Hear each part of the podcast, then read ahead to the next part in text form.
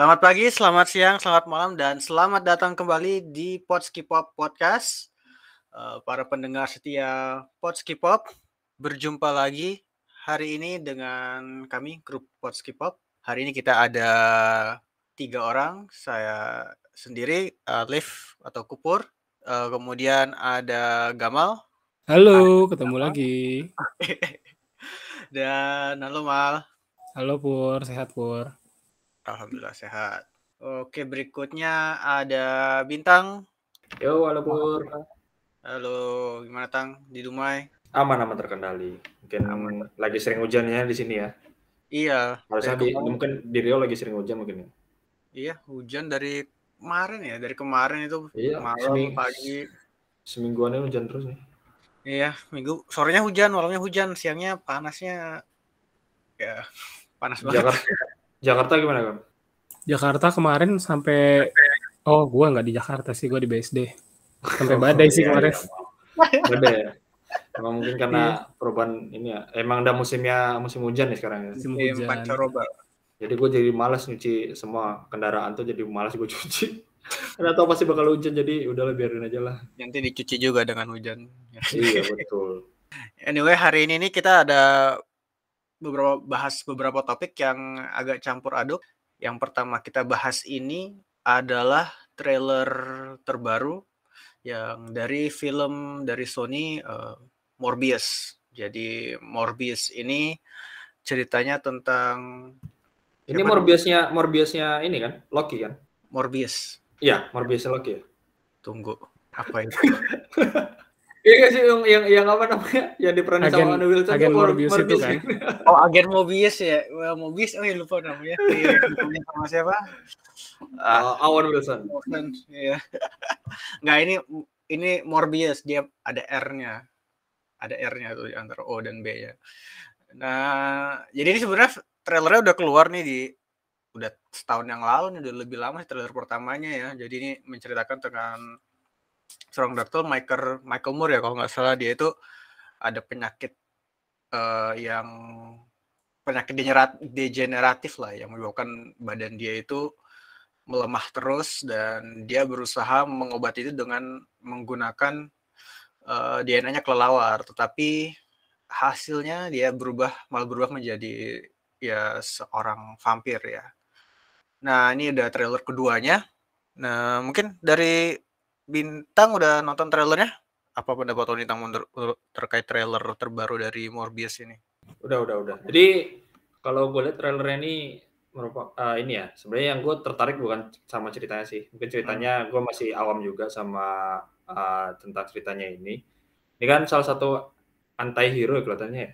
Masalah itu tentang anti hero. Tapi yang gue highlight di sini sih sebenarnya banyak muncul Easter egg sebenarnya Pur di sini Pur. Iya betul banyak muncul. Nah, karena dan Easter egg itu sendiri jadi ngerancu. Ini kan film so keluaran Sony ya dan masih hmm. satu termasuk eh, yang di dunianya Spider-Man kan dia kan.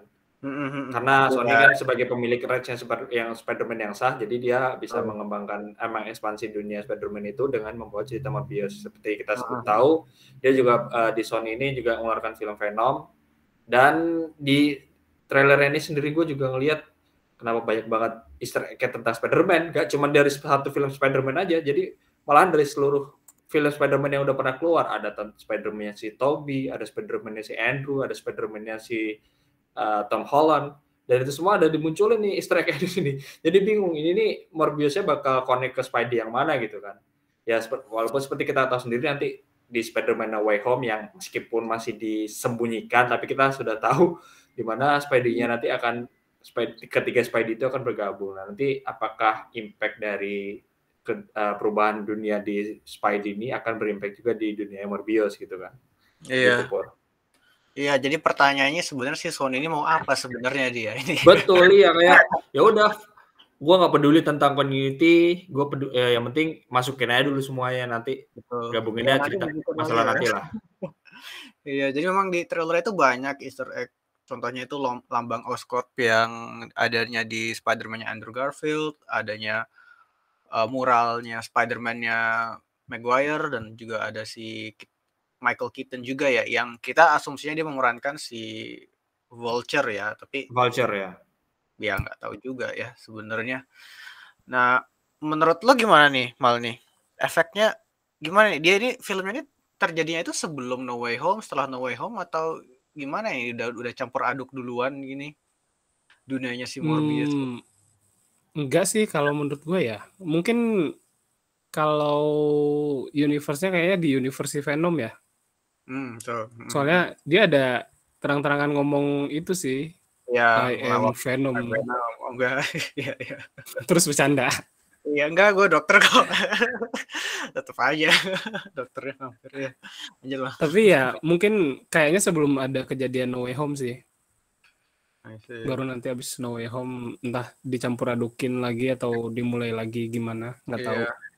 Dan sebenarnya kan kalau ada yang udah nonton ya leak dari apa post credit scene-nya di Venom kita juga ada sedikit hint juga sih ini ceritanya bakal ke mana ya mungkin nanti ya nggak akan kasih inti ceritanya tapi ya seperti itu. Tapi Nah. Blade itu visi Marvel juga ya? Siapa? Blade. Blade ah, Blade si vampir ya. Marvel juga dia- ya? Marvel juga dan dia sebenarnya udah ada juga aktornya kan si Mahershala Ali tapi belum tahu kapan lagi keluarnya Tapi kalau Blade kan Blade kan masuknya ke MCU udah. Hmm, hmm, hmm. Kalau ini kan karena dia dimiliki raja sama Sony masuknya ke ya bakal nanti ke Mas eh, ke. Spider-Man Universe gitu. betul Iya, Iya, tapi Mas. kayak tumpang tindih gitu sih ada vampir di sini, ada vampir di situ. di mana mana ada vampir Kalau Blade itu bukannya pemberantas vampir ya, bukan iya bukan dia vampir, Iya, exactly Tapi vampir dia kan. keturunan Dia vampir keturunan juga. vampir juga. Oh, I see, I see, I see. Jadi vampir Ibunya yang udah vampir. di domesticated. Ibunya vampir seingat gue itu ibunya vampir Iya. bapaknya juga jadi dia kurang lebih kekuatannya sama kayak Morbius juga sebenarnya Eh, di- mereka vampir tapi bisa kelemahannya nggak dapet gitu kayak bawang terus sinar matahari nggak gitu kelemahannya iya tapi kalau nggak salah si eh Blade Blade itu Oh, kan. Daywalker kan dibilangnya kan. Iya, dia benar-benar bisa jalan di di siang bolong kalau nggak salah dan kalau kita lihat di video di sini kan si Morbius saat ini masih apa? Masih terlihat- bingung kayaknya. Iya, masih bingung lah dia antara ini kekuatannya ini keren ya bagus banget aja ditambah kuat, tambah ya dia juga kelihatan dia ada kekuatan kayak sonar gitu ya. Dan yang menurut gue visual effect-nya keren banget sih. Dia bisa ngelihat sonar seluruh kota ya. Jadi keren banget lah menurut gue visual effect-nya. Menurut lo gimana nih, Hmm. Tang? Dia nge-cross darah kelelawar ya, kekuatannya itu. Kayaknya gitu eh, sih. dari Dia- kelelawar ya. Iya, Kok, dia kok dia kok dia nggak jadi Batman? Batman kan nggak pakai darah kelelawar. Oh iya. ya setidaknya berpenampilan seperti Batman kan kayak Spider-Man digigit spa- apa namanya laba-laba jadi Spider-Man malah jadi Iya. jahat dia. Mungkin atau mungkin juga nih cikal bakal COVID dari film ini mungkin Pur. waduh. Sudah. Aduh, waduh, i- it- itu kalau diikutin di US itu masalah udah pelik gitu. Ya gue tertarik di sini sih eh, di film ini karena aktornya Jared Leto ya seperti kita tahu ya Iya. Jared Leto ini selalu total dalam memerankan karakternya dan Hmm, perubahan-perubahan di bu- tubuhnya pun sendiri yang selalu total ya. betul. Ya kalau ini sih, tapi di sini sih kelihatannya dia biasa aja. Alter egonya, alter egonya kan sebagai Michael Morbius dokter tadi pur ya. Morbius, Itu penampilannya biasa aja sih. Cuman ya tadi kayak lu bilang tadi ketika dia switch eh, ke Morbiusnya itu sendiri ke vampire mode itu sendiri keren sih ya. visualnya. sih. Keren, iya. Dan emang serem sih. Mereka nggak berusaha untuk membuatnya lebih Lebih apa, ramah lebih anak-anak ya. friendly, ya gitu ya. Tapi emang dibuat bener-bener horrifying lah, bener serem banget ya. Ya sama kayak Venom dan Carnage juga sih ya. Nggak nggak dicoba untuk di apa? Di tone down gitu ya seremnya ya. Ya betul, nggak di tone down. Tapi Tuh. yang menarik juga di sini nggak kelihatan ada villainnya ya? Atau dia sendiri villainnya? bener juga tuh mal. Ya karena sebenarnya dia tuh Kabur-kabur. eh, secara secara historical di komik emang dia kan villainnya si Spider-Man kan. Tapi bisa jadi mungkin dia jadi di sini dia jadi anti hero juga yang seperti Iya. Venom. Ya kalau Venom kan jelas tuh lawan si siapa Riot terus lawan Carnage kan. Kalau ini kan beneran nggak ada penjahatnya sih. Kayak dia bingung sendiri gitu loh. Good point Dia sih. mau ngapain. Tapi mungkin ya di situ menarik juga sih filmnya kalau beneran kayak gitu ya. Ya, dia jadi kayak semi-semi kayak Hulk juga kan. Dia coba dikabur, dikejar-kejar sama sama polisi juga kan ya. Tapi kalau Hulk gitu jadi nggak jelas sih. Iya. Dan sampai kayak gitu lah. Iya. Oke, jadi ini film keluarnya kapan, Tang ya? Masih tahun depan ya? Sebelum 2022. Januari 2022 kalau nggak salah. Oh, dia setelah No Way Home ya? Iya. Ya. Manda jadi bisa bisa jadi ya kayak sebagai ini juga pun mungkin foreshadowing kalau ini tuh terjadinya setelah event dari No Way Home bisa hmm. jadi. Sebenarnya kalau Spider-Man sendiri ya antagonis dianya sendiri juga sebenarnya tanpa memperhitungkan karakter-karakter MCU lainnya ya banyak juga kan sebenarnya. Jadi sebenarnya udah cukup juga dia bisa membuat franchise sendiri ya. Asal nggak overkill kayak Spider-Man 3. ya, tapi ya No Way Home banyak juga di ini, lebih banyak lagi. Biasanya kan batasnya kan nah. kan tiga, tiga musuh kan. Biasanya ini, ini musuhnya udah udah minimal lima kayaknya. iya, padahal ya memang aturannya sih nggak tahu ya itu kayak aturan tertutup terus kalau villain di film tuh kalau bisa jangan lebih dari tiga. Iya. Karena itu kan nanti ngaruh ke development dari masing-masing karakter ya. Nah, iya. Spider-Man 3 tuh kayak jadi breaking gitu loh. Maksudnya untuk uh, ininya untuk masing-masing villainnya tuh kayak nggak hmm. jelas. Secara plot keseluruhan pun jadi rusak. Tapi yang nggak tahu nih kan dibilang Spider-Man No Way Home ini digadang-gadang sebagai endgame-nya Spider-Man kan. Jadi apakah memang nanti bakal se sewah itu atau ya secara cerita masih masuk atau enggak ya kita lihat aja nanti. Btw ini trailernya masih belum belum keluar juga. Mungkin masih ada perdebatan antara Sony sama Marvel ya. Oh ya, trailer trailer. yang baru nih Padahal udah, ya. padahal udah November loh, sebulan iya. lagi keluar. Kayak menurut gua bakal bener-bener nunggu eh Venom udah keluar di sana atau Eternals keluar mungkin menurut gue. Nunggu Eternals keluar barulah itu biar fokusnya orang-orang Marvel fanboy ya ke Eternals dulu yang ya yang gitu mungkin kita lanjut aja ini bahas Eternals ya. uh, lanjutnya. Jadi ya tadi kita udah bahas uh, film terbaru dari Sony ya Morbius. Nah, ini kita lanjut ke bahas film Eternals ya yang saat ini di Indonesia pun kita ngiranya kemarin itu di podcast sebelumnya tanggal hari ini tanggal 3 November udah tanggal 3 November. Iya. Tapi nyatanya belum keluar. Nah, kira-kira kenapa ya? Apakah mungkin karena ratingnya makin turun? Sekarang sudah certified rotten di 57% atau mungkin ada alasan lain malah? Katanya kan itu ya ada adegan yang kurang masuk dengan nilai budaya kita. Jadi ada agak-agak nyangkut di LSF lah. Budaya kita apa emang? Isunya. Nah, yang yang utang lebih galak. Mohon izin, Tang. Mohon izin. ya. Gitu ya, Tang. Jadi emang ada, emang ada isu dengan sensornya juga ya. Ya dari LSF-nya sendiri, lembaga sensor film tuh kemarin ada beberapa ada orang yang nanya-nanya gitu kan iseng nanya ke ketua LSF apa nggak salah pokoknya salah satu dari LSF itu sendiri kan. Ya dia hmm. tanya LSF itu sendiri bilang sabar ya ini masih di masih berurusan sama importernya nih. Jadi ada kendalanya bisa jadi nggak cuma dari segi sensor sensorshipnya aja tapi juga dari masalah importernya. Ya itu yang belum clear kan. Karena ini film bisa dibilang masalahnya banyak, banyak banget sih pur. Dari awal hmm. rilis uh, maksudnya dari ya segi, maksudnya dari pertama distribusi itu kan udah bermasalah. Terus sutradaranya itu sendiri Mbak Chloe itu sendiri juga kelihatannya sangat kekeh dan pendiriannya sehingga ya adegan itu harus tetap ada. Terus dia juga bermasalah di Cina kan. Jadi ini tuh udah terlalu banyak masalah di film ini.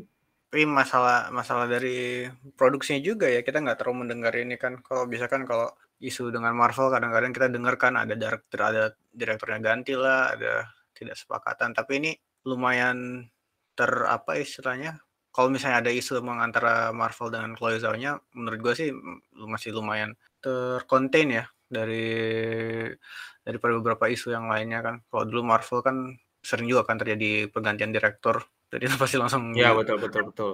Anyway ya memang pasti sering terjadi lah antara direktur dan juga antara rumah produsennya ya pasti itu yang sering terjadi kita juga sering dengar juga tapi mungkin karena Chloe Zhao memang saat ini masih memegang tahta best director jadi ya ya wes lah ikutin aja malah jadi ini ya jadi yeah. ego sendiri mungkin jadi dia udah yeah. dapat uh, best director jadi ego egonya jadi tinggi tapi anyway ini kan tadi lu bilang ratingnya makin turun ya gue penasaran juga sih sebenarnya gue baca coba coba baca rating apa reviewnya yang ada di okay. Rotten Tomatoes nih. Coba gue bacain salah satu.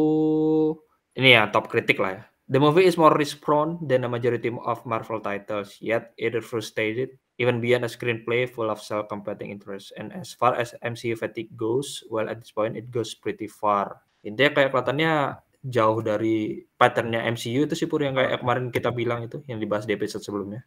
Hmm, iya, ya memang kalau ya emang jadi apa ya resiko juga kan ya kita keluar dari M formula yang sudah udah ada udah terestablish uh, jadi orang yang ekspektasi orang-orang mungkin nontonnya juga ekspektasinya A tapi dapatnya B jadinya mungkin mempengaruhi biasnya juga. Kalau nggak sesuai ekspektasi juga kalau bagus ya bagus aja sih. Kalau iya menurut gue emang beneran jelek kayaknya. Iya ya kita gue pesen nasi goreng terus yang datang rendang kan tetap aja biarpun nggak sesuai ekspektasi enak-enak juga. Kalau rendang yang nggak enak tetap enak. Enak lah. Gue belum pernah ketemu orang bikin rendang gak enak sih. Bias lo karena lo suka rendang. Ibaratnya ini ibaratnya lo apalagi apalagi rendangnya rendang kata ibu kan ya. Iya. Promo iklan. Anyway Eternals kita tunggu. Kalau di twitternya Marvel Studio Indonesia di November tapi nggak jelas November kapan 30 November juga masih November aja. Jadi ya November 2022 jangan-jangan. Itu juga masih November. Iya itu November loh.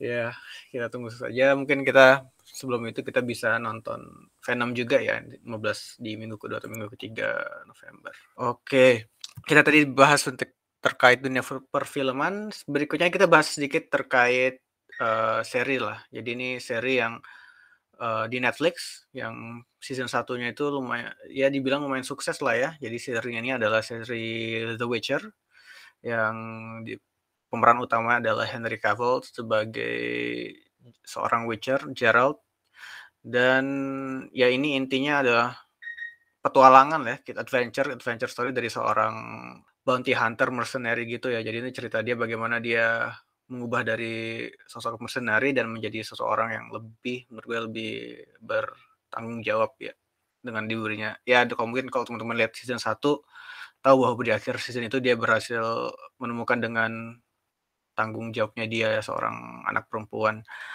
Nah, mungkin ini trailernya uh, mungkin bahas dari season 1 dulu deh dari Bintang sama Gamal gimana? Sempat nonton sampai akhir atau tidak atau kesan pesan lo terkait season 1 itu seperti apa? Ya, mungkin kalau trailernya udah kita post juga ya di akun Podskipop di Twitter. Hmm. Mungkin kalian bisa lihat juga atau mungkin di akun-akun lainnya. Jadi itu juga bisa sih lihat trailernya. Ya gue udah lihat sih uh, pur trailernya. Ya menurut gue bakal kalau season 1 kan actionnya ya lebih baik drama ya karena dia fokus ke pengembangan cerita ya. Iya, Kalau iya. kelihatannya season 2 ini lebih baik monster-monsternya kan dia sebagai mercenary yang mau bunuh monster kan, ya. monster hunter kan dia kan. Iya. Nah kelihatannya di sini di season 2 ini bakal lebih banyak. Ya gua yeah. harapannya sih itu sih nanti. Dan ini kan season 1 kemarin gua yang yang gue suka dari The Witcher di season 1 itu sendiri adalah bagaimana dia menyatukan dia kan ya aktor utama ya uh, Geralt, Yennefer sama Ciri kan. Dan itu tuh ternyata kita kan dipisah-pisahkan gitu kan ceritanya masing-masing. Dijelaskan tentang cerita Geralt, Jennifer sama si Ciri itu. Dan hebatnya tuh dia ada di timeline berbeda tapi di akhir season tuh di akhirnya mereka bertemu Banyak pada ya.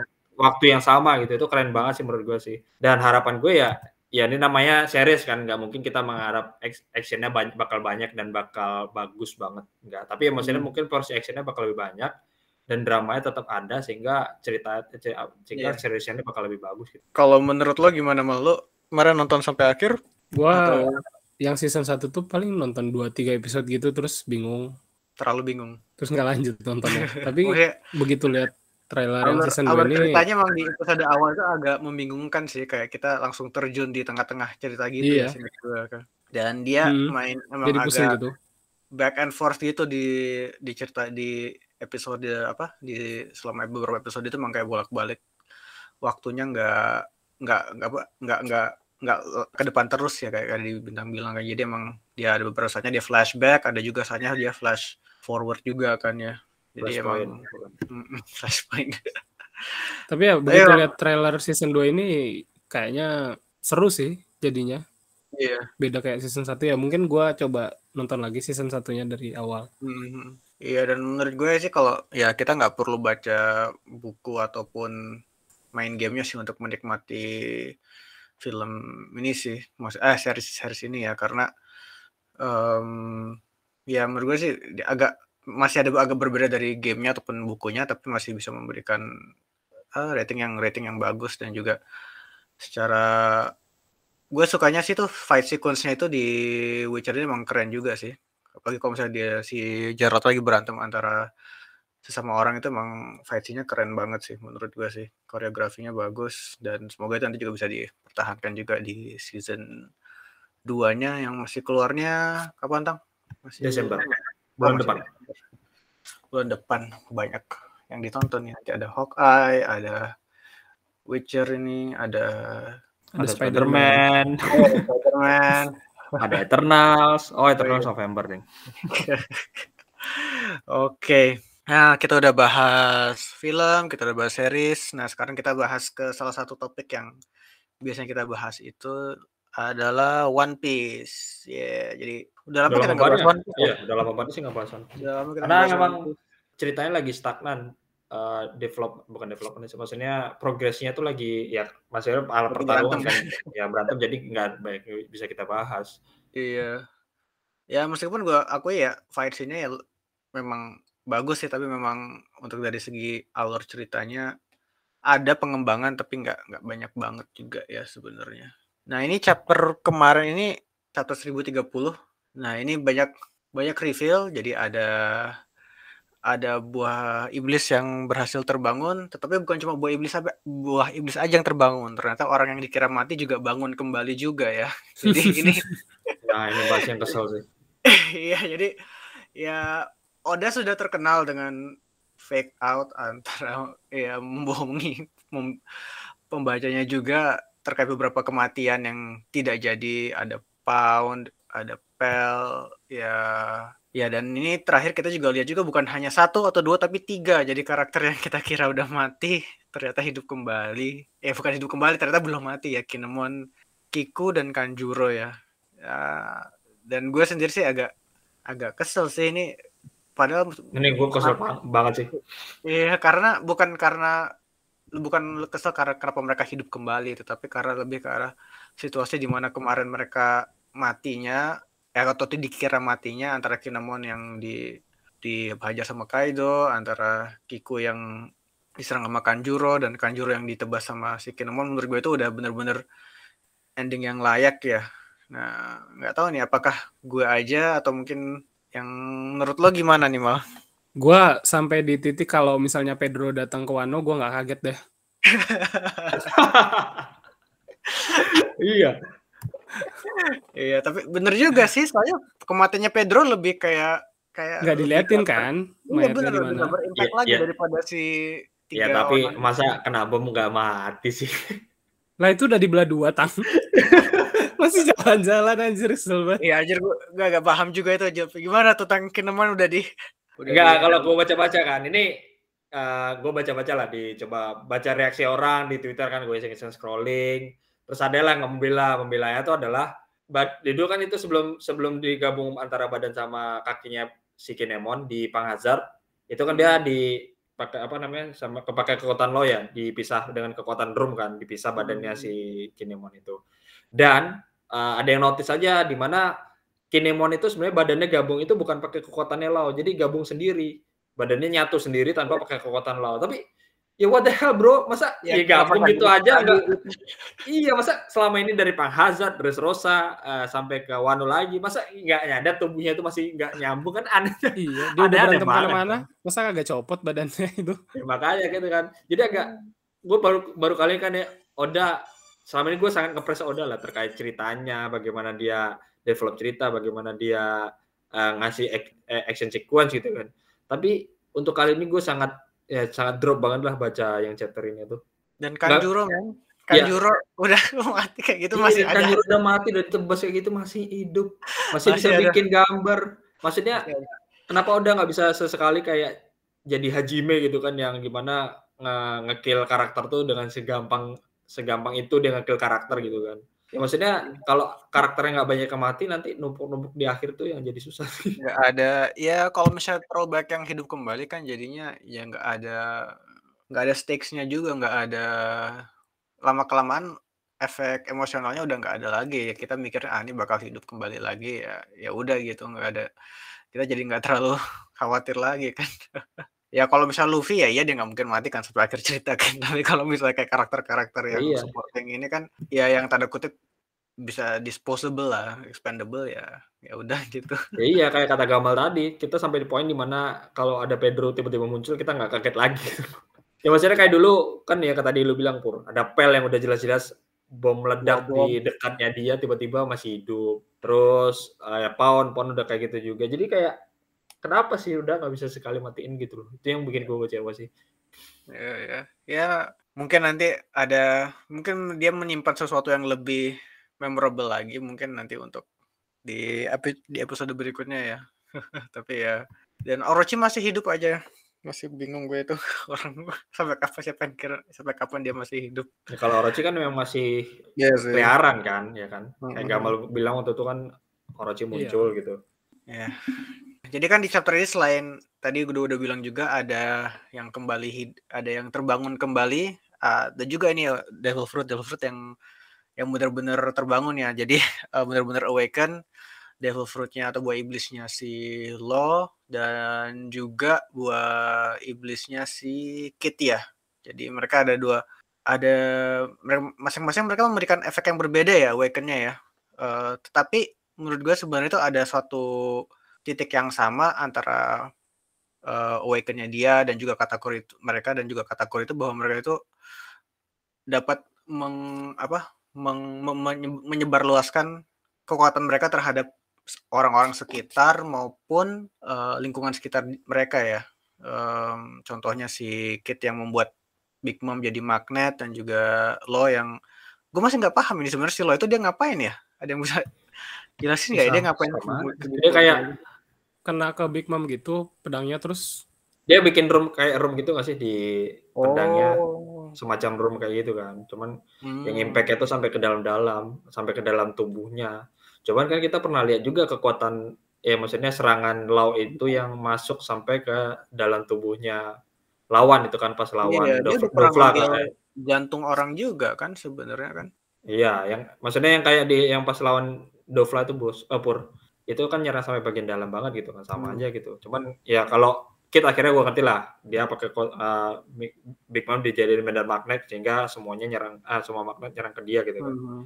Cuman yang law ini masih belum ngerti gue agak bingung sih apakah dia bikin room di bisa mengoperasi si Big Mom-nya sendiri tapi kan dia secara umum dia juga bisa mengoperasi orang gitu kan jadi masih agak bingung lah ya terus yang gua bingung juga kenapa si dua orang itu udah awaken Luffy? Belum juga ya padahal dia tiga tahun kerja latihan doang. Um, kita nggak karena kayak ya nggak tahu juga ya. Kenapa ya? Soalnya kan kalau dulu kan teorinya itu ya belum dikeluarin aja kali Gam. Karena iya. belum mendesak sih.